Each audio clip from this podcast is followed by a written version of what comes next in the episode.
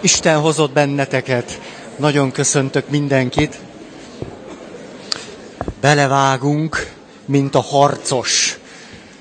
Mert hogy hiszen erről beszélünk, ugye egész évben azt kerestük és kutattuk, hogy hogyan tudunk valódi, mély emberi kapcsolatokra alkalmassá válni, és aztán ezekben élni, hogy hogyan tudunk a szó legszebb és teljesebb értelmében megszületni, még a halálunk előtt, és hogyan tudunk valamilyen hiteles, mély spiritualitásra is elérkezni, annak a forrását saját magunkban fölismerni. Ugye ez volt a témánk, és aztán így jutottunk el oda, hogy van-e valamilyen olyan jellegű erőforrásunk, amely a lélekben adva van, de amely túlmutat vagy megelőzi a személyes és nagyon egyedi élettörténetünket, és az abból fakadó mindenféle tapasztalatainkat, örökségeinket.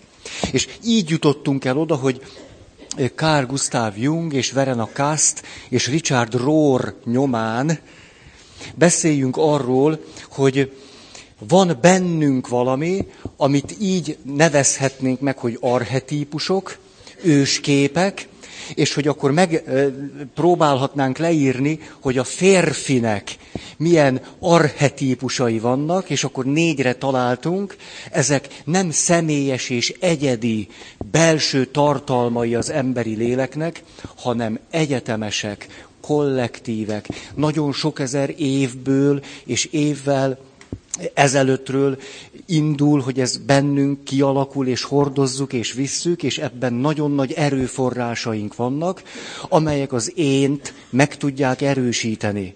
A tartalmuk be tud oda áramlani, és a személyes és egyedi élettörténetünk és sebzettségeink mellett is nagyon sajátos erőforrást tud jelenteni. Ugye három kitételt tettünk, amit nem ismétlek el, hogy megvan ugye a rossz oldala, már is kezdem mondani. Nem, nem, nem, nem. Hát ezeknek az arhetípusoknak nem rossz, hogy négy eh, pusztán csak világos és pozitív tartalommal bíró arhetípus, dehogy is. Minden arhetípusnak, amely magatartásmódot, válasz, válaszreakciót kérdésekre foglal magába, valamiféle életstratégiát és életlátást és cselekvésmódot, megvan az árnyéka. Hát ezért egyáltalán nem mindegy, hogy mit engedünk be az énbe. Ó, hogy mivel barátkozunk olyan nagyon meg, vagy mit engedünk, hogy bennünk az ott működjön és viruljon.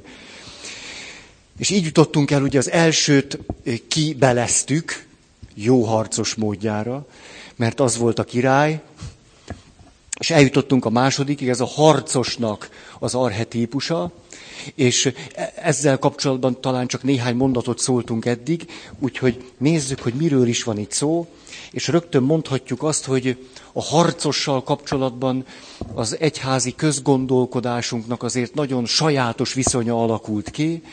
Egyszerűen azért, mert a harcosnak az árnyéka olyan nagy, hogy nagyon sokan, főleg ugye a megfeszített Krisztusra tekintve vagy rá hivatkozva a harcossal szemben nagy föntartásokkal élnek.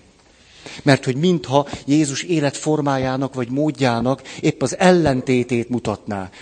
Ez azt fogja akkor előidézni, hogy a bennünk élő harcosnak a pozitív oldalát, a világos oldalát nem tudjuk integrálni a személyiségünkbe. Az énbe ezek a tartalmak nem tudnak kellő erővel és egyértelműséggel benne lenni.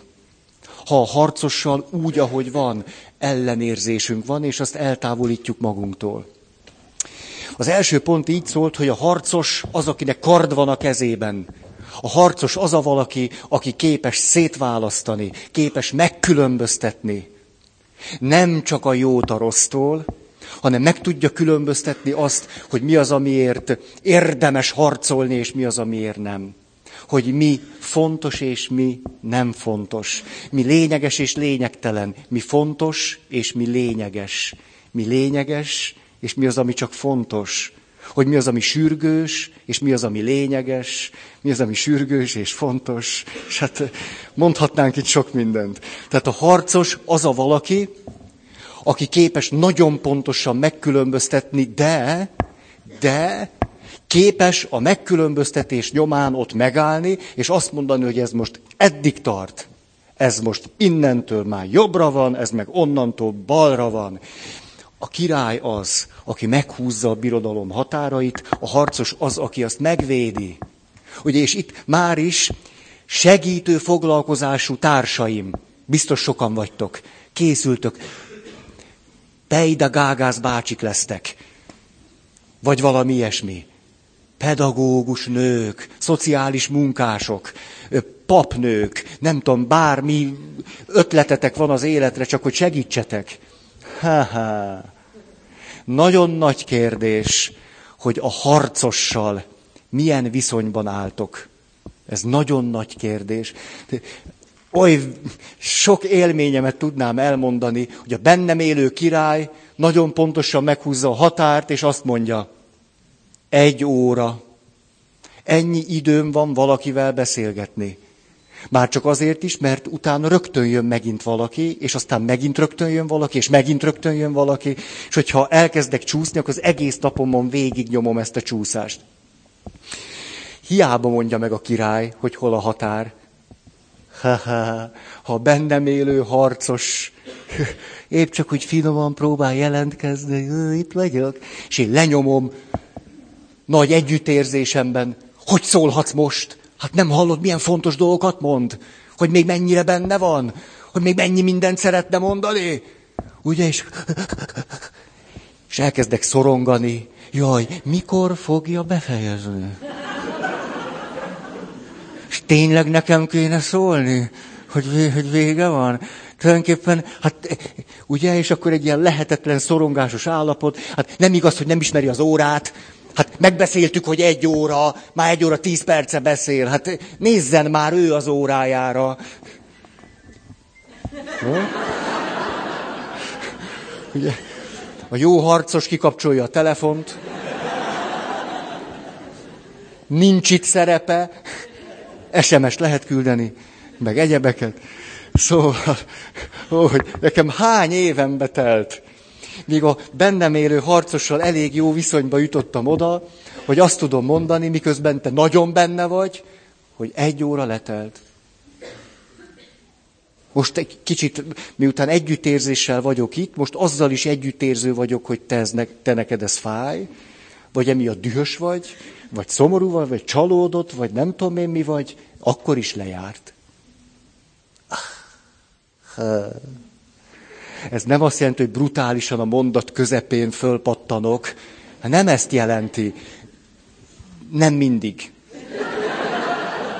Ugyanis hát természetesen, természetesen vannak olyanok, akikben az önmérséklet, vagy az önkontroll, vagy ez a belső harcos oly mértékben nem működik, hogy ténylegesen szinte ki kell őt dobni.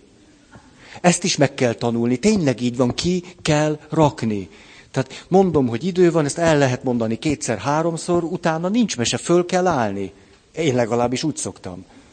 Sajnos most fölállok, itt az idő, ha valakivel nagyon-nagyon-nagyon nehéz, akkor fölállok, és el is indulok. Ugye ő nem indul el, mert ő még szeretné folytatni, én viszont elindulok. Nagyon jó, a szobámból nyílik a WC. Oda szoktam menekülni. Teljes harci díszben. Ténylegesen fölállok, és akkor nagyon örültem, és már megyek is. És hát azért ez szokott hatni. Tehát olyan ritkán volt, hogy én kimegyek a szobából, és az illetőben marad. Ez még nem fordult elő. Tehát eddig ez bejött, lehet, hogy majd egyszer nem jön be. Na, csak azért akartam elmondani, ugye van élményünk erről a legegyszerűbb dologról, hogy valakivel találkozol az utcán. Szokott ilyen lenni? Ha. Hm. Most nagyon mélyen belenézek az élettörténetetekbe, úgy látom, igen, veled volt már ilyen. Igen, te valakivel volt, hogy találkoztál az utcán, ezt most érzem itt benn. És azt is egészen átélem, hogy volt, hogy nem tudtál el, elmenni tőle. Jól sejtem? Jól, látjátok? Szóval lehetetlen, hogy ne legyen élményünk arról, hogy valakivel találkozunk az utcán, és már késésben vagyunk. Már, már, és képtelen vagy, képtelen vagy azt mondani, hogy ezt nem tudod elmondani. Ismerős ez? A harcos fuldokol benned. Ugye, hát jönne a kardját, szeretné fölemelni már. Nem azért, hogy az ismerősödet leszúrja, hanem így az... És hogy te mehess tovább.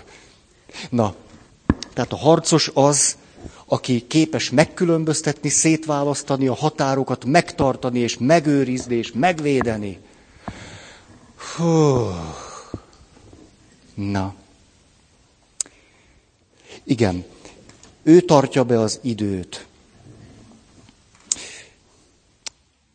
Na, szüksége van, azért most bénázni fogok ma is,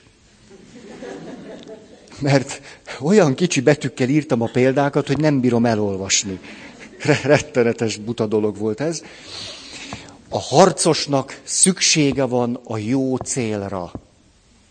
A harcos különben nem tud mire irányulni. A harcosnak ezért szoros kapcsolatot kell tartania a királlyal, mert a király mondja meg azt, hogy itt a határ, kedves szamuráj, most őket meg kell védeni. Ó, a szamurájról jutott eszembe, hogy lehet gyakorolni a harcos alapállását. Hogy a király alapállása az az, ezt megérezni a saját testünkben. Ezt most gyorsan megmutatom. Királynak az alapállását gyakorolhatod úgy, hogy kis terpezbe állsz, és megkeresed azt, azt az állást, most a mikrofon kezemben van, de vegyük úgy, hogy nincs, amiben a lehető legstabilabban és biztonságosabban állsz. És ezt átéled, hogy most teljes, teljes súlyoddal a földön tudsz állni. Nem feszülsz meg sehol, hanem egyszerűen csak így állsz. Állsz, mint amikor a sátornak a cövekét. Ez a királynak az alapállása. Nehéz az élet, vizsga. Ó, ezt lehet gyakorolni. Szoktam. Szoktam. Szoktam, reggel van egy-két gyakorlatom, amit, amit megcsinálok, szavak nélkül van. Most meséljek erről? Ó. A király alapállását mindenképpen fölveszem, mindenképpen. Ebbe egy picit, picit kell időzni. Azért, mert a király összefogja a birodalmát. Ezért reggel szeretnék összeszedett lenni, összefogni mindazt, ami nappal kell, ezért és akkor érzem, ú, te jó ég, vállam ereszkedjen le, másik vállam is ereszkedjen le, fejem találja meg a helyét, gyomromból menjen ki a feszültség, ezek. Egyszer csak állok. Reggeli gyakorlataim. Nagyon fontos a leborulás. Ha megvan az összeszedettség, akkor le lehet borulni. A szó szoros értelmében leborulni, nem csak letérdelni, meg nem összekulcsolni a kezet, homlok, földre. Úgy anélkül nem lehet élni ebben a világban. Homlokot a földre. Így, így. Különben nagy képüsködés az egész nap. Harcos alapállása. De ez le kell raknom a mikrofont. Nagyon jó gyakorlat. Nem szeretem túlbeszélni a témát mindig is a cselekvés híve voltam, ezért mondanék még néhány szót erről. Tehát ténylegesen, ha vagytok ti olyanok, akik nagyon a fejetekben éltek, ti azt mondjátok, persze, persze, és eszetek ágába sincs gyakorolni. Annyi kezdeményező készség lehetne bennetek, hogy egyáltalán csak egyszer kipróbáljátok. Próbáljátok ki, ne egyszer, ne kétszer, próbált ki. Hát a, ez a gyakorlat egy nagyon egyszerű gyakorlat, pontosan azt fejezi ki, amiről beszéltünk, hogy a harcos kezében kard van, és képes a megkülönböztetésre, hogy mi van itt és mi van ott.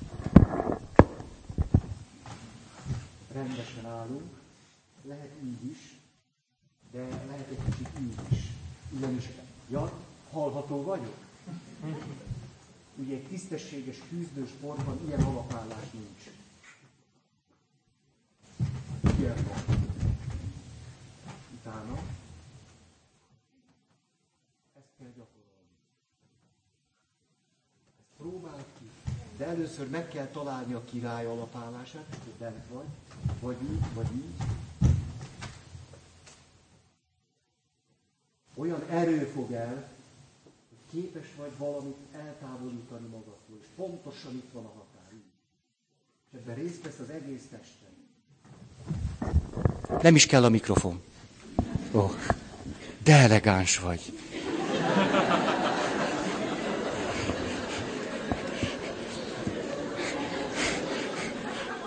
Én még sose tudtam így kinézni egész életemben.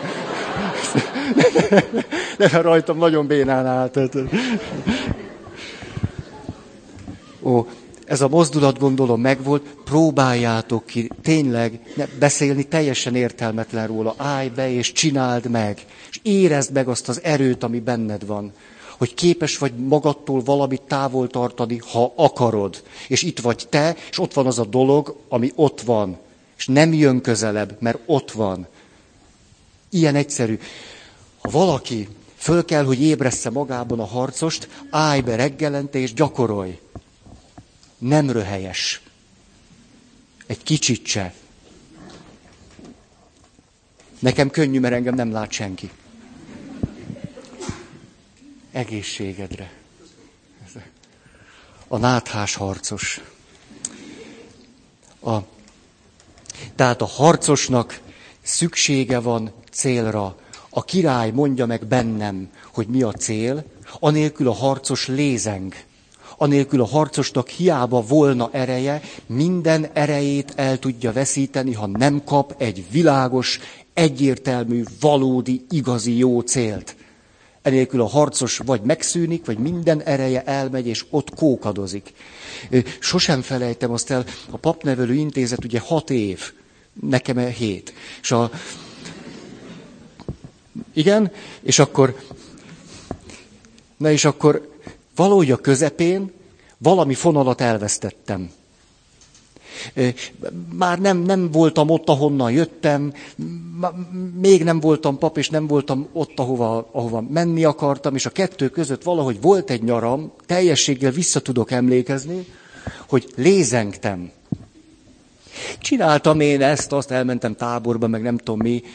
Nem arról van szó, hogy nem tettem, na, emlékszem, voltak a szabadnapjaim, és világosan visszaemlékszem erre, képzeljétek el, valahogy annyira, annyira nem, nem, nem tudtam meghatározni, hogy mi, mi is a cél, hogy volt, hogy fölkeltem, és azt mondtam, ja, mentem, van-e valami jó film a mozi? Oh.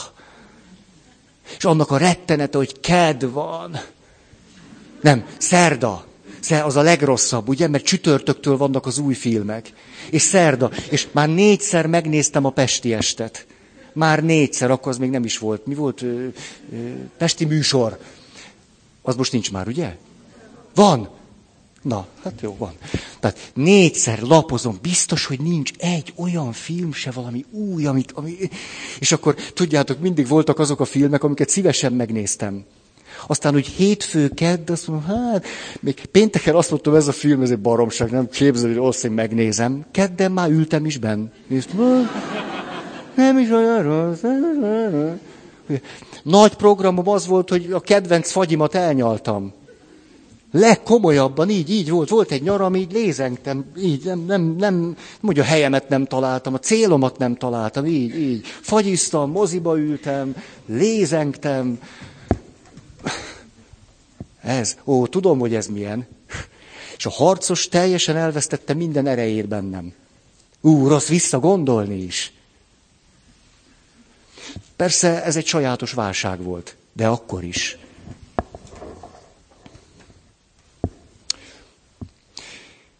Hmm. Amikor a harcost valami igazi és nemes cél elbűvöli, bennünk itt, akkor egyszer csak bátorrá válik. Olyan is, aki egyébként nem gondolja, hogy ő azt meg tudja tenni, vagy hogy elég bátor tud lenni. De lehet edzeni is. Ugye emlékeztek, erről beszéltünk, a harcos az, aki szeret megizzadni. Há, tud melózni. A bátorság, tudom, egyszer elmeséltem ezt nektek, hogy volt egy, most is megvan nagyon jó barátom, és mindig elmentünk kerékpározni, és valamelyik országnak a legmagasabb hágójára fölkerékpároztunk. Ezzel szórakoztunk minden nyáron, elmentünk egy hétre, és akkor Grossglockner, meg Trigláv, meg mentünk, mentünk, mentünk jó magasra. És őnek is megvolt a gyengéje, és nekem is. Először az övét hagy mondjam. Annyira gagyi. Nem is értem, hogy hogy lehet valaki ilyen. Szóval, mikor elkezdett esni az eső, ha már pedig a hegyek között, meg Alpok, meg Dolomitok, meg hát persze, hogy esik. Olyan ideges tudott lenni, lá volt, hogy így nem lehetett hozzászólni. Rettenetesen ki tudott az esőtől készülni. Én meg, ha, esik, na gyerünk csak. Volt egyszer egy hetet bicikliztem, hat napig esett az eső. Azt mondtam, nem érdekes, nyomott tovább. És tényleg így is lett. És a... Na, hogy jött az én gyönge? Hát tudjátok, akik régóta jártok, mikor kezdett leszállni az est. Én bennem egy olyan ösztönös, ilyen sátor rakó félelem kezdett el földgyülemleni, szóval, hogy én akkor lettem rettenetesen feszült, muszáj, muszáj tudnom, hogy hol fogom az éjszakát tölteni, az, az, az, az nem igaz, itt biciklizünk már most mindjárt sötét, én nem fogok sötétbe sátrat verni, utána a hülyék vernek sötétbe sátrat, az, nem az egy őrült hangyabolyra ráverem a sátrat, meg, meg gyökerekre, az, az, az, én teljesen mindig ki tudtam magamból lépni, és a barátom meg ugye, milyen szép az este, jó, de egyáltalán nem szép, azon álljunk meg, és, és akkor rájöttem, hogy egyszer évről évre ezt minden nap át kellett élni. Nem bírtam erőt venni magamon. Nem bírtam. Egyszerűen ez a félelem, ez a zsigeri, ez, ez mindig letarolt engem. Na, Egyszer egy nyáron, még mielőtt elindultam volna, elgondolkodtam, mit lehetne ezzel a nyavajás, zsigeri félelemmel kezdeni. És akkor, mint Baltazár professzornak, zseniális ötlet körvonalai rajzolódtak ki agyamban, és rájöttem, nem szabad sátrat vinni.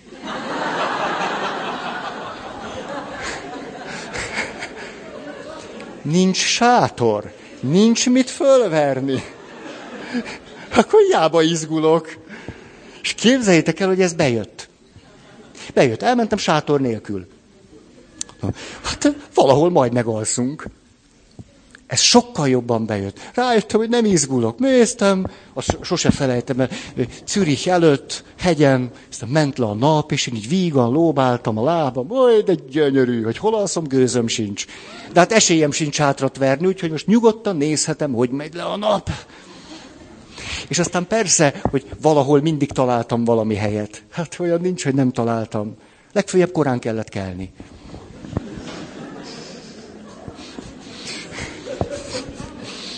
Részletekben nem bocsájtkozunk. Ó, a, a harcos fölismeri a fájdalom értékét. Nem próbál megmenekülni minden fájdalomtól. A harcos képes megedződni. Egyáltalán tudja, hogy mit jelent az, hogy meg lehet edződni. Á, de jó dolog ez. Placid atya. Placid atya azt mondta, tudjátok, tíz év gulág, ami nem egy hely. Na most, olyan, nincs olyan város, hogy gulág. Na, csak ezt akartam mondani. Szóval, Placid atya azt mondja, kevés ruha van itt, rettenetesen lehet fázni. Ezért, ha úgy fekszem le, hogy az összes ruha rajtam van, hajnalra elkezdek fázni, és mikor ki kell menni dolgozni, még rettenetesebb lesz. Ezért csótányostul, svábbogarastul, mesztelenre vetközött. Őrültnek tartották. Ugye mindenki fölvette az összes ruhát, majd aztán iszonyat módon fázott, mikor nem a szélvédett barakba kellett lenni. Ő pedig mesztelere vetközni, és pokróc. Valaki, aki tud arról, hogy mit jelent megedződni. A templomunkban jár egy idős bácsi, elmúlt 90 éves, Placid atyának volt a raptársa. Ővele szoktam erről beszélgetni. A következőt mondja ilyen angyali derűvel. Tudod, Feri, én mióta hazajöttem, ezt úgy el lehet képzelni, tehát pont 50 éve, mióta hazajöttem, nem fűtök. Így, ahogy mondom, ez a bácsi télen nem fűt. Ha barakba se volt fűtés. Nem fűt. 90 valahány éves, tiszta derű, és úgy, úgy kell belül, hogy egy, egy kis történet a gulágról. Jaj, minek a gulágról, szép az élet. Ilyen, egy, egy csodálatos valaki. És kellett volna látnotok, meghívtuk Placidatyát most, húsvétra, és találkozott ezzel a raptársával. De szép volt, ott összetalálkoztak. Ah. Na tehát. Igen, itt jön a kisbetűnek a... Írtam ide valamit, de mit gondoltam ez alatt? Jé, de érdekes.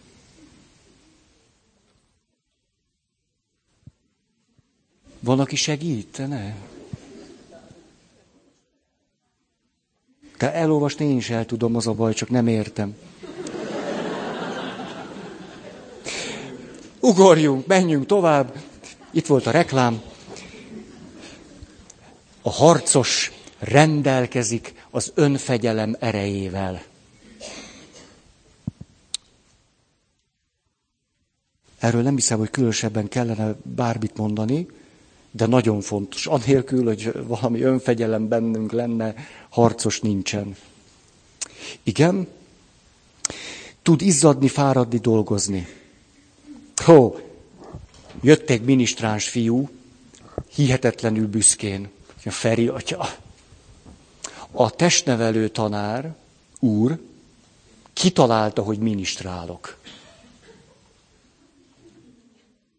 Látnok.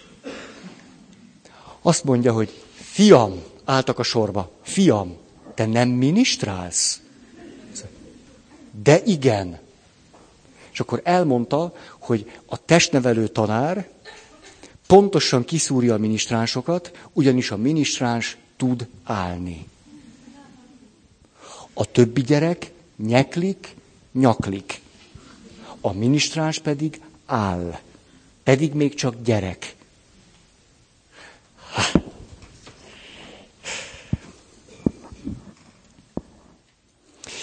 Tehát tudunk fáradni, dolgozni.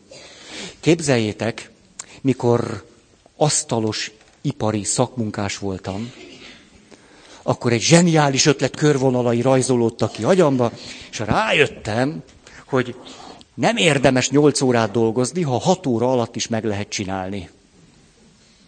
És egy nagyon, ez egy nagyon érdekes világ volt, 1985 és 86, és oda álltam a műhely, hát nem műhely parancsnok volt, hanem ilyen műhely vezető, most is emlékszem, Iván bácsinak hívták, egy nagyszerű pedagógus volt, se nyolc általánosa volt, meg szakmunkás vizsgája, és ő tanított bútorasztalosnak. És odaálltam elé, és mondtam, hogy Iván bácsi, tisztelettel, lehetséges-e az, hogy én csak hat órát dolgozzak, azzal a föltétellel, hogy legalább annyi dolgozok, mint a többiek. Képzeljétek el! És Iván bácsi, egy pedagógiai zseni, azt mondta, próbáljuk ki. Szerintem milyen na, kis dinamika az asztalos műhelyben. Ugye 6 óra 50-re kellett menni dolgozni, fél háromig volt a munkaidő. Én nyolcra beértem. És akkor megnéztem, hogy mi a téma, mit kell csinálni, és akkor... Ugye, és az volt a cél, hogy legalább oda eljussak, mint a többiek kettőig, ahova ők majd fél háromra érkeznek el. Én a második évben nyolctól kettőig dolgoztam. Képzeljétek el? Hát simán meg lehetett csinálni hat óra alatt is. Legalább élveztem. Hát ebbe csak belefáradni lehet. És azon csodálkozom, hogy milyen érdekes, hogy, hogy volt egy ilyen valaki, aki ezt, ezt meg tudta engedni. Fantasztikus. Igaz, már a gimnáziumban is csináltam ilyet. A gimnáziumban oda ment az osztályfőnöknőhöz, persze ilyen, ilyen félig magántanuló voltam, és megállapodtam vele. Azt mondtam, kedves tanárnő, én nem szeretek iskolába járni. Nem is nagyon megy. Mi lenne, hogyha ha alkut kötnénk? Megígérem, hogy hetente egyszer bejövök, fölveszem az összes fontos infót, és ha valami nagy dolgozat van, akkor megírom. Tehát lesznek jegyeim, stb.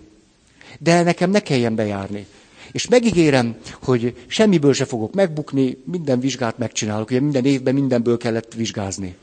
És a tanárnő, egy fiatal pedagógus nő volt, azt mondta, próbáljuk ki. Mit szóltok, milyen jó helyeken jártam én. És akkor tényleg a negyedikben már úgy jártam, hetente egyszer bementem, dolgozatok, nem tudom mi, vizsga. Nagyon izgalmas ám egy hónap alatt oroszul megtanulni.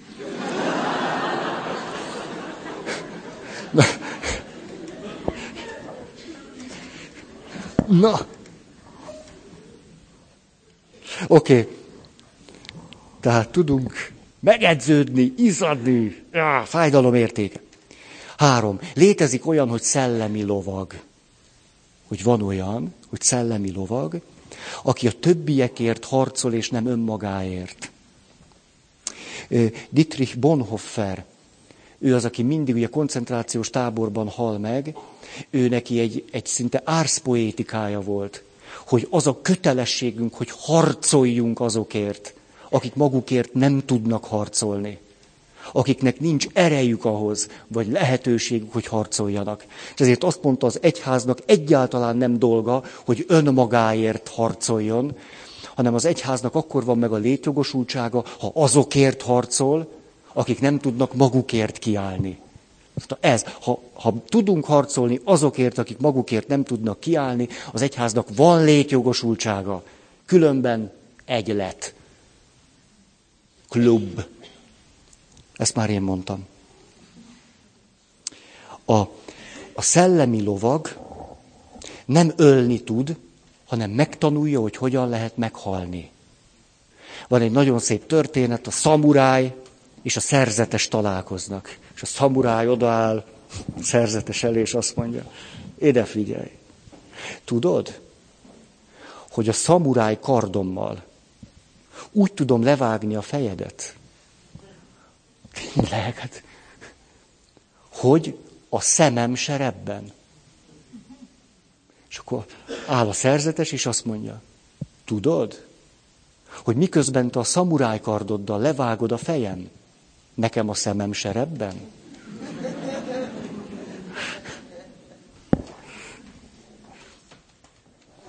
Ilyen a szellemi lovag. És hogyha szeretitek a csillagok háborúját, igen,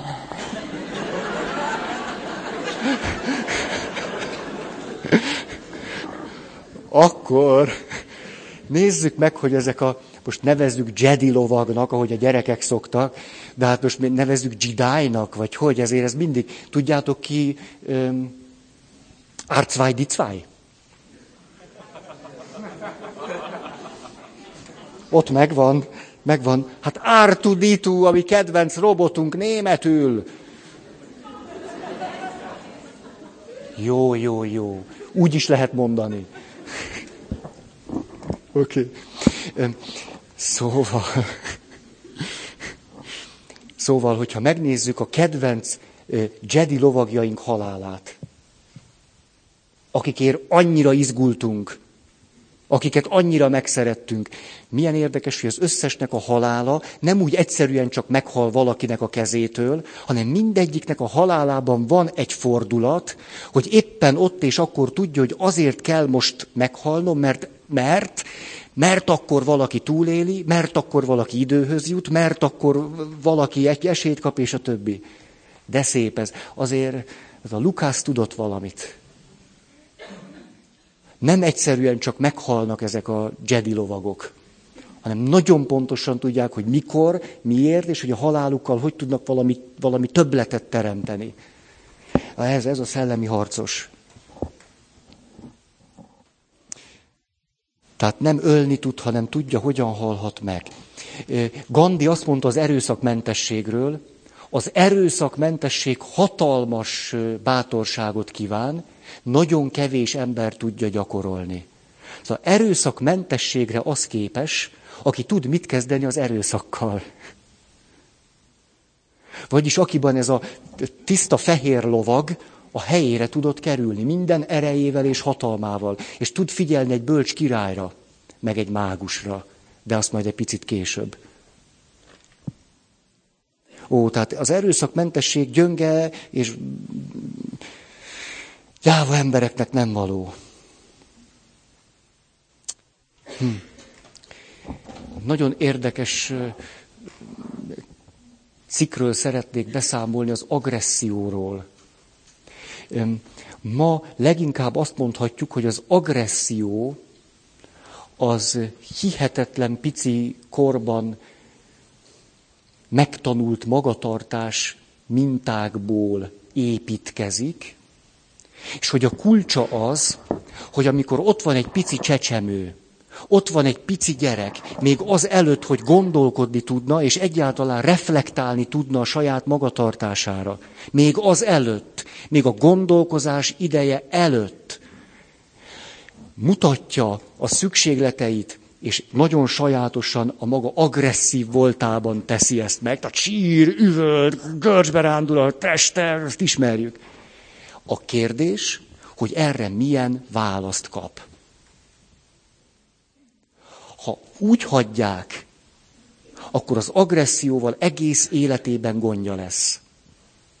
Egy olyan pici csecsemő, és aztán egy olyan kisgyerek, még a reflexiónak, a gondolkozásnak, a tudatosságnak megelőző idejében, aki azt tapasztalja, hogy görcsbe rándul a teste,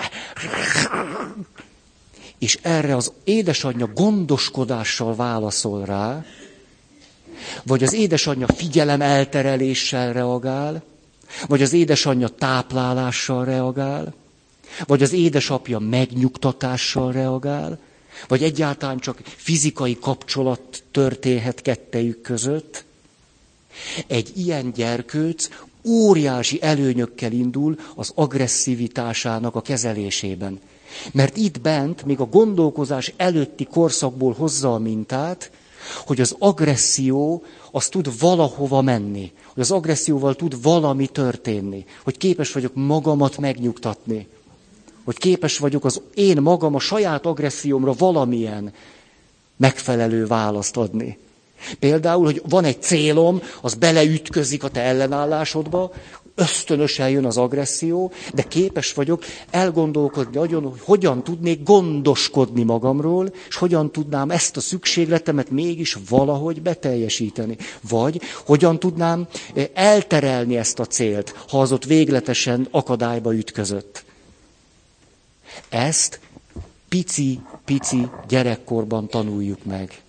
Ennek az alapjai ott vannak bennünk. Ezért rettenetes lenne az, hogyha a gyerek két éves kora azt jelentené, hogy ti elmentek dolgozni. Ez rettenetes. Rettenetes. Ó, ott kell lenni a pici babákkal, ott kell lenni. A bölcsőde egy szükséges rossz. A világ legjobb bölcsődéje is egy szükséges rossz. Nem tudok mást mondani. És hogyha meg akarjuk pusztán merő önzésből, ha meg akarjuk magunkat kimélni attól, hogy a gyerekeink rengeteg diszes dologgal legyenek, és antiszociálisak legyenek, és kezelhetetlenek, és magatartászavarosok, és tanulászavarosok, akkor gondoskodjunk róluk megfelelően az első három életévben minimum, de inkább hat. Utána sokkal könnyebb dolgunk lesz, sokkal. Az elején elvétjük a lépést, azt hurcolhatjuk, nem éri meg. És ez az agresszióval kapcsolatban is így van. Negyedik pont. De eddig nem mondtam pontokat. Az első volt, gyakorolja a megkülönböztetést. Második, szüksége van egy jó célra. Harmadik, a szellemi lovag. Negyedik, a harcos képes feláldozni jó dolgokat a nagy célért. Hó, hát ez egy nagyon nagy titok, hogy jó dolgokat vagyunk képesek elengedni. Hogy értékeket vagyunk képesek elengedni valamilyen számunkra fontosabb célért. Ha szabad így mondanom, ma embere mindent akar, és egyáltalán nem engedi el a kevésbé jó dolgokat se valami jó célért. És ugye utána aztán nagyon boldogta, és nem érti, hogy miért nem, miért nem jó az élet. Igen.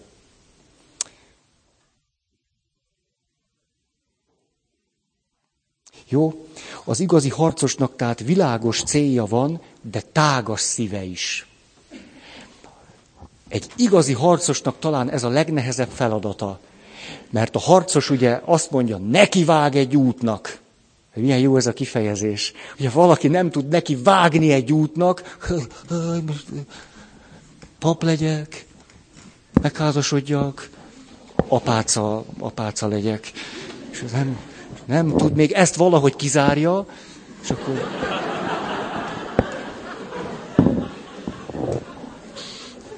Az se könnyen, abba is van érték.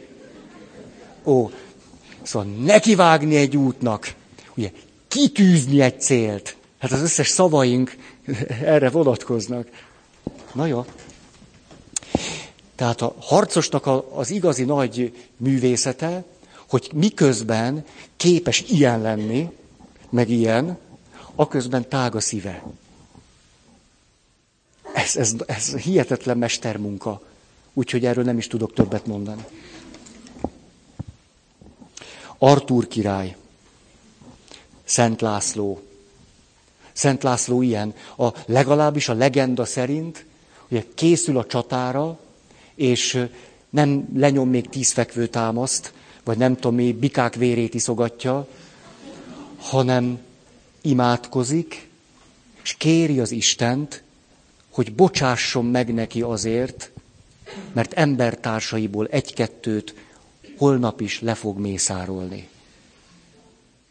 Ez most lehet, hogy nem hangzik úgy, úgy, úgy, úgy, úgy, de hát itt egy lovak királyról van szó. Ugye ő, a mi kultúránk lovak király eszménye. Hát azért, és mikor vége van a harcnak, akkor a hagyomány szerint Szent László letérdel, és azt mondja, hogy Istenem, de kár, hogy így kell élni. De van egy célom, ebből most nem lehet engedni, ezért most fogom a kardom és, de, de, de szeretnék egy világban élni, ahol ez nem így van.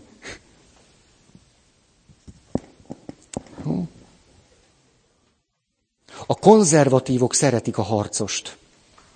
Ugye a konzervativizmus nagyon szereti azt, hogy egy jó megoldás van, és azt ő ráadásul tudja is. Ezért aztán a harcossal jó barátságban van. Ezért nem is olyan könnyű, hogyha mi nagyon megengedőek, toleránsak, együttérzőek, befogadóak és egyebek vagyunk, hogy mit kezdjünk a harcossal. Ezért egy nagy művészet. Valamiben nagyon beleállni, célokat kitűzni, nekivágni, de közben elég tági szívűnek maradni. Az nem könnyű. Ezért a jó harcos képes valami jót tenni másokért, a világért, önmagát is odaadva. Ú, nézem az időt. Következő pont, öt. A harcosnak tehát szüksége van egy jó királyra, nem csak egy jó célra, egy jó királyra. Mert a jó király segít neki megmondani, hogy most érdemese harcolni, vagy nem. Most itt bele kell lebocsátkozni egy küzdelembe, vagy nem. Az ifjú harcos állandóan harcolni akar, a bölcs csak akkor harcol, ha szükséges. És ezért a bölcs harcos tud lojális lenni mindazzal és mindazokkal, akik számára valami pozitív, világos, tiszta dolgot képviselnek. Ezért egy jó harcos Lojális tud lenni a hatalommal. És ez néha nagyon fontos. Hat. A király mondja meg a határokat, a harcos tartja őket. Itt erről már beszéltünk, csak például, hogy valaki képes azt mondani, házas ember, és azt mondja, hogy hát ami most itt föllángolt bennem, ez mondjuk a szerelem. Vagy amit most itt érzek, ez a szexuális vágy. Ez van itt a bal felemen. Jobb felemen a feleségem. Ő az én házastársam. Megvan a pontos megkülönböztetés, és azt tudja mondani, hogy akkor most ebbe az irányba élem az életem. És kész. Az nem azt jelenti, hogy utána nem mehet el pszichológushoz. Elmehet, meg nem sír, meg szenved, meg veszteség az van. De azért az rettenetes, hogyha valaki minden nap úgy kell föl, fölébredt, és azt mondja, milyen irányba is éljem ma az életem. Tulajdonképpen most mi is a jó, meg mi is a rossz. Tegnap az volt a jó, hogy, de hogy ma most így fölébredtem, nem is tudom. Vagy, vagy megházasodsz valakivel, vagy nem tudom, együtt élsz, és akkor reggel az mindig egy kérdés, hogy szeretem-e ezt a nőt, vagy nem. Most kell nekem, vagy nem, vagy lesz jobb, vagy nem. Nem tudom, hogy így lehet-e élni. Hát lehetni lehet.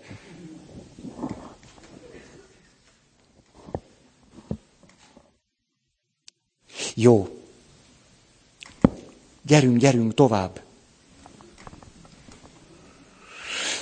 Csak az tud lenni harcos, aki bírja a félelmet meg az egyedül létet. Ez is az egyik veszőparipám, azt gondolom, ha minden ember évente egyszer, egy hétre elmenne egyedül, az egész világ megváltozna. Minden ember egy évben, egy hétre egyedül. Egy hét, de nem, nincs duma, az egyedül vagyok, csak nem, tehát egyedül, akkor azt úgy komolyan. Döbbenetes, hogy egy hét alatt mi tud bent, bent történni, hogy hogyan íródik át minden. Hogy, hogy hogy van az, hogy nem tudod senkivel sem megbeszélni. Hogy nem kapaszkodhat senkivel. Hogy, egyedül kelsz, egyedül fekszel. Nincs, aki segítsen. Egyedül vagy. Jönnek a... Sok minden jön. Nem véletlen, hogy a korai kereszténységben virult a ö, ö, szerzetesség, de annak előtt a sivatagi atyák. Hát ahhoz egy igazi harcos attitűd kell, hogy valaki egyedül. És azt mondja, na most a remeteség. Ez igazi harcos életforma. Ott lenni, és... Ó, nem megdöbbentő, hogy, hogy miközben rettenetesen individuálisak tudunk lenni, én, én, a közben nem is tudunk egyedül létezni. De olyan szinten nem, hogy egy napot egyedül szótlanul kell töltened, már feszült, vagy ideges, vagy már bekapcsolnád a tévét, a rádiót, a net nélkül már nem tudom én mi van. Ó, ezt nagyon próbáljátok ki. A papnevelő intézet egy nagyszerű hely. Tényleg, de el lehet menni kolostorokba, el lehet vonulni. Nagyon jó. Nem mondom, hogy nomádozzatok egy hetet, de mondom, csak akkor vonulj el egy kolostorba, de ki se a szád, nőjön a szádon pókháló.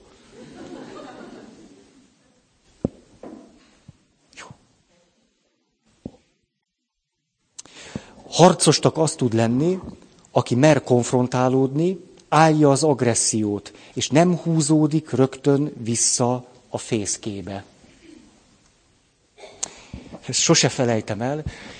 13 éves voltam, és volt egy olyan magas fiú, mint én, és rettenetesen utáltuk egymást. És ott vagyunk a testnevelés óra elején, előtt, az öltözőben. És gőzöm sincs, hogy hogy történt, de valamelyikünk pofon ütötte a másikat. Erre világosan emlékszem, és így álltunk, így, és mondjuk kaptam egy pofont, és így álltam, és én is adtam egyet. És erre ő is. És képzeljétek el, hogy ameddig nem kezdődött el az óra, így pofoztuk egymást, így. Két hétig nem hallottam arra a fülemre. Nagyon meg is voltam ijedve, de nem mertem otthon elmondani. És megkérdezem, miért nem hallok. Nem teljesen, de aztán meggyógyult. Ez nekem egy olyan ős élményem, és képzeljétek el, hogy, hogy semmi nem telen, nem estünk egymásnak másképpen, és az lett, hogy szép lassan, ugye egy fiú öltöző, az összes fiú így körbeállt, és ez a férfi, nem tudom, a zsenge férfi, nem tudom micsoda, senki nem avatkozott bele. Tehát így mindenki állt, és így nézte. Tehát egyszerűen csak, hogy itt történik valami. És kivárjuk, hogy mi. És mindenki, és még mindig adtunk egyet. Nem tudom, hogyha nem csöngetnek be, akkor mi, mi lett volna.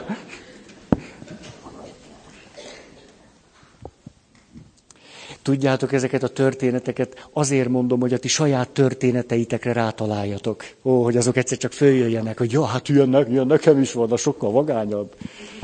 Ezért, ezért mondom. Hét. Idővel képes harcos társ lenni. Egy valódi harcos nem Rambó. Egyedül, aknavetővel, meg mindenne, minden, mókás. Egy igazi harcos tudja, hogy másokkal együtt sokkal erősebb. Ez, nagy, ez a nagy bölcsesség az igazi harcosnak. Melyik az a film? Tudjátok, a Brad Pitt játszik benne, és a, az Angelina Jolie. Az a feleségem, bérgyilkos a feleségem, vagy micsoda? Mr. és Mrs. Smith. Így van, nagyon köszönöm. Jó. Ebben a filmben van egy zseniális jelenet. Remélem láttátok. Hogy alapmű, mondja egy hölgy. Na, van egy jelenet, hogy ketten egymásnak támasztják a hátukat. Megvan ez a jelenet? Miközben egyébként utálják egymást, és egymást nyírják ki, de mikor harcolni kell, így egymásnak van a hátuk, és így ugye hát persze lelőnek mindenkit, de ez már most a mese része. De az, ahogyan egymásnak támasztják a hátukat, az, az olyan gyönyörű, hú, hát ott ment fel az adrenalin nekem így.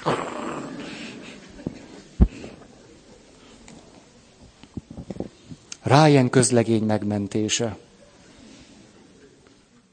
A, a harcos társhoz, ugye én már egy ilyen öregebb űrge vagyok, ezért az én gyerekkori élményt egy kedvesen, ez is szegény, hogy ezt, ezt olvasható le valakinek az arcáról, hogy na, hogy már nincs sok neki átra. Hogy én azokon a filmeken nevelődtem, hogy Piszkos 12, Kelly hősei, a hét mesterlövész, ugye, hát ezt, ezt, ezt, nem is néztétek ezeket meg. Láttátok. Jól vagy. Az első sorban nagy, nagy film, mágusok van, közel a vászon, ugye? Ez.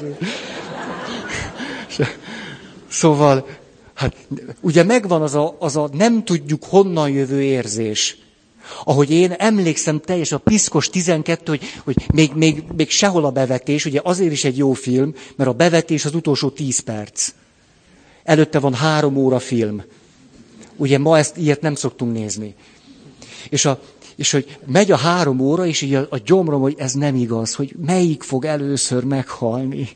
Ez ne, nem akarom látni, hogy ki, és akkor ugye boldog, hogy remélem, na az meghalhat, az remélem, hogy a rendező is elég rendes, hogy azt a kicsit nem szimpatikus ürgét nyiratja ki, de, de hát, és akkor tudod, hogy a 12-ből van legalább 9 olyan, azoknak nem szabad meghalni. És mikor, mikor az első abból meghal, és akkor de, de, de talán föltámad, vagy valami, hogy kiderül. Megvan ez az élmény. De a hét mesterlövésznél ugyanúgy, a hét szamuráj, ugyanaz, hogy, hogy ne, ne, és akkor az első meghal, hogy ne, ki, kimegyek a moziból, ezt, ezt ne csinálják tovább. És hogy nem tudnak úgy győzni, hogy ne, ne folytogatna a sírás. Nem így van. Most miért kellett Telly Szavalasznak meghalnia? Ó, ez a harcos társ. Ezzel kapcsolatban akartam mondani. A tizenkettőből egy is meghal, összerándul a gyomrunk, és nem tudjuk miért. Nyolc. Nem ámítja magát a gonosz vagy az ellenség láttán. Ez ma szinte sokakból nagyon hiányzik. Annyira elfogadóak és liberálisak és megértőek és toleránsak vagyunk, hogy a, az öltönyben járó gonoszt simán beengedjük. Így, így. Olyan, mintha valami vakság vagy naivitás lenne rajtunk. Későn eszmélünk. Későn tudjuk kimondani azt, hogy na ezt nem. Hát ránéz, azt hogy öltönyben van, de pata van ott a végén. A számomra legszívbe markoló példa a Henri Boulard atya. Szíriai ősökkel rendelkezik, Egyiptomban él, Alexandriában, egész életét muszlim világban tölti. A katolikus egyháznak a világ karitászának az elnöke volt hosszú ideig. Egy igazi karitatív valaki, egyébként egy zseni, és olyan keményen tud bizonyos dolgokról beszélni, hogy megáll a levegő. Azt mondja, hogy ha egy olyan muszlim országban, ahol az iszlám államvallás, azt figyeljük meg, hogy nincsenek az emberi jogok tiszteletben tartva, hogy nincs vallásszabadság, hogy nincsen szólásszabadság és sajtószabadság, akkor ott nehéz párbeszédet folytatni. Ahol megengedhető, hogy keresztényeket üldözzenek vagy megöljenek, ott azért valamire rá kell látni. Ezt egy olyan valaki mondja, aki, akinek a szavára lehet hallgatni, az egész életét egy ilyen közegben éli le. És egyébként olyan szívvel, lélekkel keresztény, hogy saruját se látom. Azt mondja, hogy naívnak, hogy a muszlim radikalizmus vagy fundamentalizmus, azt ne kívánjuk magunknak. Ne, ne igyekezzünk egy olyan világban élni, ahol majd... Hát, hogy azokban az országban, ahol mi a tengerparton fürdünk, ott keresztény üldözés van. Csak úgy mondom. És, és annak aztán semmilyen következménye nincsen. Nincs. Hogy azt gondolom ezzel kapcsolatban, miközben ugye ez egy érzékeny téma, és akkor rögtön asszociálhatok akár hogy na Feri, na most, na most, na most. Itt csak egy jelenség, és amit mondjuk, hát most beleszaladtam ebbe nagyon, hogy ahogyan George W. Bush ifjabb hozzáállt ehhez a kérdéshez, az maga volt a katasztrófa. Tehát ilyen keresztes lovagnak látta magát, és ilyen fekete-fehér moralitással szörnyű. Hát ez, ez szörnyű. Csak hallgassátok meg Henri Bulárd atyát. Az egész életét rátette, hogy, hogy másokat szolgáljon, meg segítsen, és tette is. Azt mondta, a világ karitász vezetőjeként ott Egyiptomban, ha leges-leges legtöbb ember, akinek segítettünk, természetesen muszlim volt. És természetesen muszlim emberekkel segítettünk muszlim embereknek. Attól még a szélsőséges radikalizmus vagy fundamentalizmus embertelen és elfogadhatatlan. És hogy van egy pont, ahol az ember azt mondja, hogy eszem ágába sincs toleránsnak lenni. Ez furcsán hangozhat, de Richard Rohr, egy ferences szerzetes azt mondja, a valódi harcos nem naív. Akkor, amikor valamiben meglátja azt, hogy na az nem.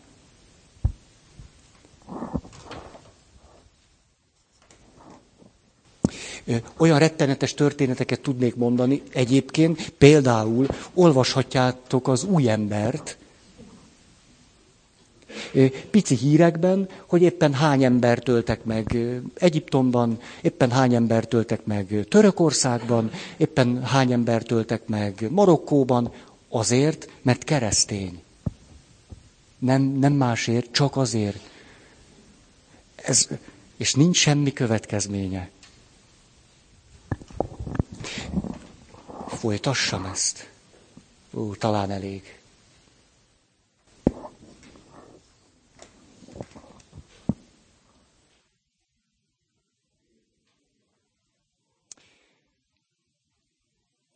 A lovag állandóan keresi persze azt, amiért vagy akiért harcolhat, ezért a lovagnak ilyen értelemben mindig kell valaki, akivel küzdhet.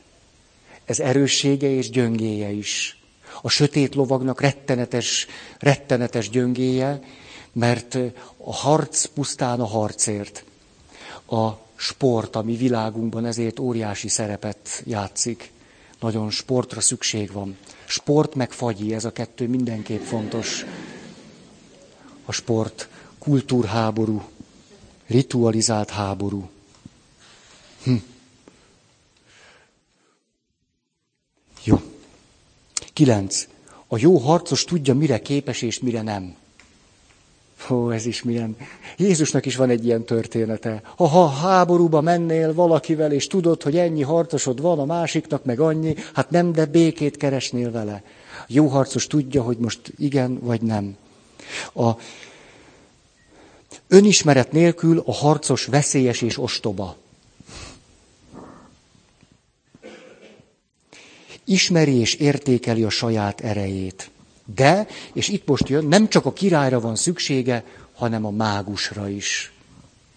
A harcosnak azért van szüksége a mágusra, mert a harcos könnyen válhat ostobává, fanatikussá, radikálissá, könnyen átáll a sötét oldalra és szinte észre sem veszi, mert mindig kis lépésekkel hozza meg a döntéseit, és azt mindig igazolja maga előtt.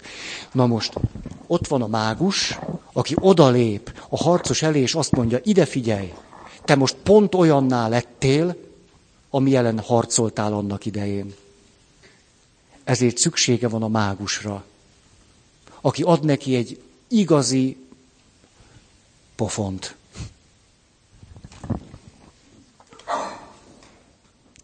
Jó. Ezért egy jó harcos tiszteli a nőt, a nőit és az emberi érzéseket, ezért a keresztény kultúrában ő ugye a lovag, aki egyszerre harcos lovag, és egyszerre lovagias is. Különben nem igazi harcos. A, itt ez nagyon nehéz. Éppen ö, hétvégén volt a pszichológiai napok szinapszis. És ott volt egy előadás, a nőies férfi trend. Hogy ez ma már nem elszigetelt jelenség, hanem ez egy trend, és akkor egy nagyon érdekes mondatot szeretnék az előadásból idézni, biztos fog nektek nagyon tetszeni. A nőies férfi testét narcisztikusan megszállja, mint egy nő. Ez mit jelent? Szemöldökét kihúzza, kigyomlálja, badizik, nézi, hogy hogy, szörtelenít, hájat mér, körmét lakkozza, haját. Szóval a lélektan ezt úgy mondja, a saját testét narcisztikusan megszállja egy narcisztikus, önimádó viszonyba kerül a saját testével, ami egy nőnél szép, egy férfinál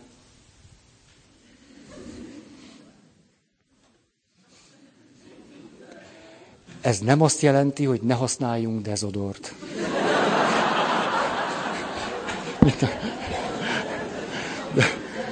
Az nagyon érdekes. Kultúr keresztény közegben szoktam megfigyelni, hogy vannak ilyen fiúk, bűzlenek. Nekik szoktam szólni, figyelj már. Tehát te nagyon klassz csávó vagy, meg minden, tényleg nincs benned nőies, egy pici se, de, de, na de attól még, tehát attól még lehet egy picit kedves paptársam, de ezt annyiszor elmondtam a történetet, ment Rómába, és vett mosószappant. Megy Rómába, és ő egy ilyen... De tényleg így volt, egy nagyszerű valaki, kicsit igénytelen. És, és a, És legkomolyabban úgy történt, hogy az egész család tudta, és hogy nagyon jóba voltunk. Egy nagyszerű, nagyszerű valaki egyébként, és másban. És, és akkor az anyukája azt mondja nekem, te Feri, menjél már el a Lacival, Józsival, Jancsival, hogy vásároljatok együtt úgy, hogy megy Rómába, mert, mert ő lehetetlen, tehát, hogy, hogy mosószappant fog venni.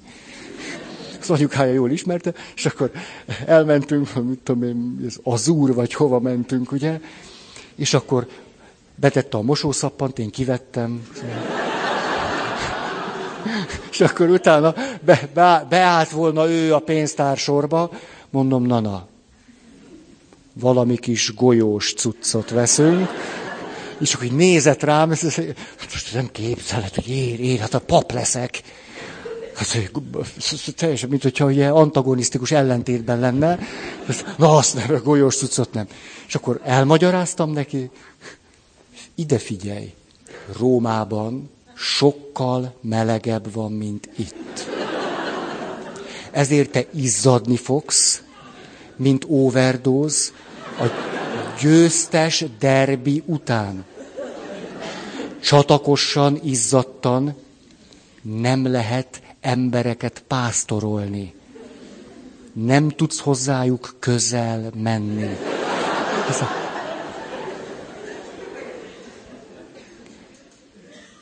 Golyós bekerült, megvettük. További történetét nem tudom. De ami rajtam múlott, az, azt én megtettem. Jó? Ó, van négy perc, és akkor pont véget érünk. Az azt jelenti, hogy egy valódi harcos bízik a saját erejében. Ezért nem bocsájtkozik állandóan harcba. Csak ha nagyon kell, mert hiszen tudja, hogy az ereje ott van. Jaj, hát hogy hívják a csillagok háborújában? Azt a kis pici, csúnya. Hát Joda mester.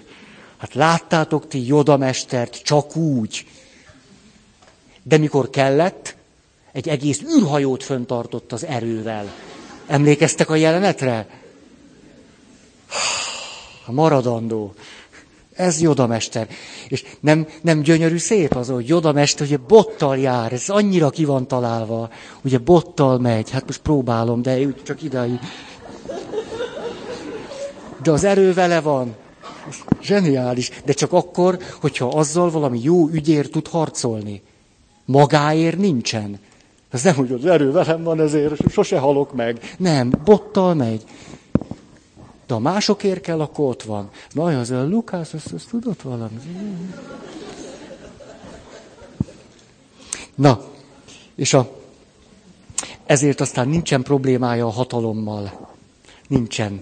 Nincsen egy jó harcos, tudja a hatalommal fölvenni a megfelelő viszonyt. Talán lehetne egy picit még olvasnék. Mit szóltok? Ilyen, ilyen, és közben ti már szundikáltok, és ez most a Patmos 1. Hanvas Béla hogy látja a kérdést? Egy picit erről. Azt mondja, a bölcsesség kezdete az, hogy az tud mit kezdeni a megváltással, aki a folytonos tevékenységét leállítja, és a versenyből kilép. A nyugtalanságot lecsendesíti, az eredetiséget és a tehetséget föladja, és önmagát normális emberré teszi. Ott hagyja az ideiglenest, mindent, ami pusztán csak érdekes és izgalmas és új, és akaratát az értelemmel összekapcsolja, életét visszavezeti az eredethez, az egyetlen, végleges és tényleges valósághoz. Vagyis beleáll az alapállásba. Ugye, hogy a harcosnak szüksége van a királyra. És aztán menjünk tovább. Azt mondja, a szeretettelenségben őrülté vált vakság, a folyamatos bűncselekményben élő ember reszkető izgalma, és e magatartásnak szegényesebb, tehetségtelenebb és sápadtabb változata ezer számra nyüzsög a világ nagyvárosaiban, mint diplomata, katona, tanár, pap, politikus. akiben az egész emberi sors egy egoista kísérletté, egy fejvesztett kalandá vált, mormid bluff, fölhetszelt tébolyában egyik szituációból a másikba támolyog. Ez a rossz harcos. És akkor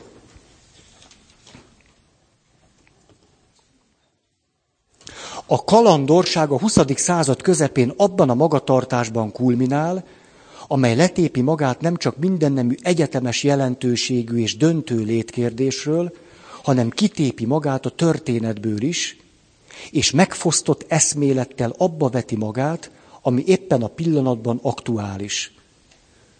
Ugye ez a vak kalandorság, ez a, a negatív oldala a harcosnak. Azt hiszi, hogy a lét felé minél inkább lezárja magát, jelenléte a mostban annál intenzívebb. Ez a kalandor életstratégia legújabb lépése. Virtuózitás, sport, harc, rögtönzés. Csak azért, hogy részét a szituációból kivegye, vagyis hogy a helyzet élettartamát kirabolja mindennemű gátlás és fegyelem elvetésével. Egyszerűen csak életbohósággal. És akkor az utolsó úgy fejezi be, hogy az éberség semmiféle irányban és viszonyban nem negatív. Semmi abból, ami létre ébredt és van, vissza nem vonható, ki nem iktatható, ez a világjáték komolyságához tartozik. A lovagot, a kalandort vállalni és átvilágítani és fölemelni kell, nem pedig megtagadni. A cél nem nagy történeti diadal, hanem egyszerű, közel van és könnyű, normálisnak lenni. Tisza Palkonya 1962.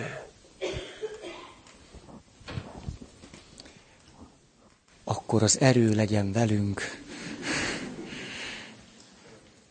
Akar-e valaki hirdetni?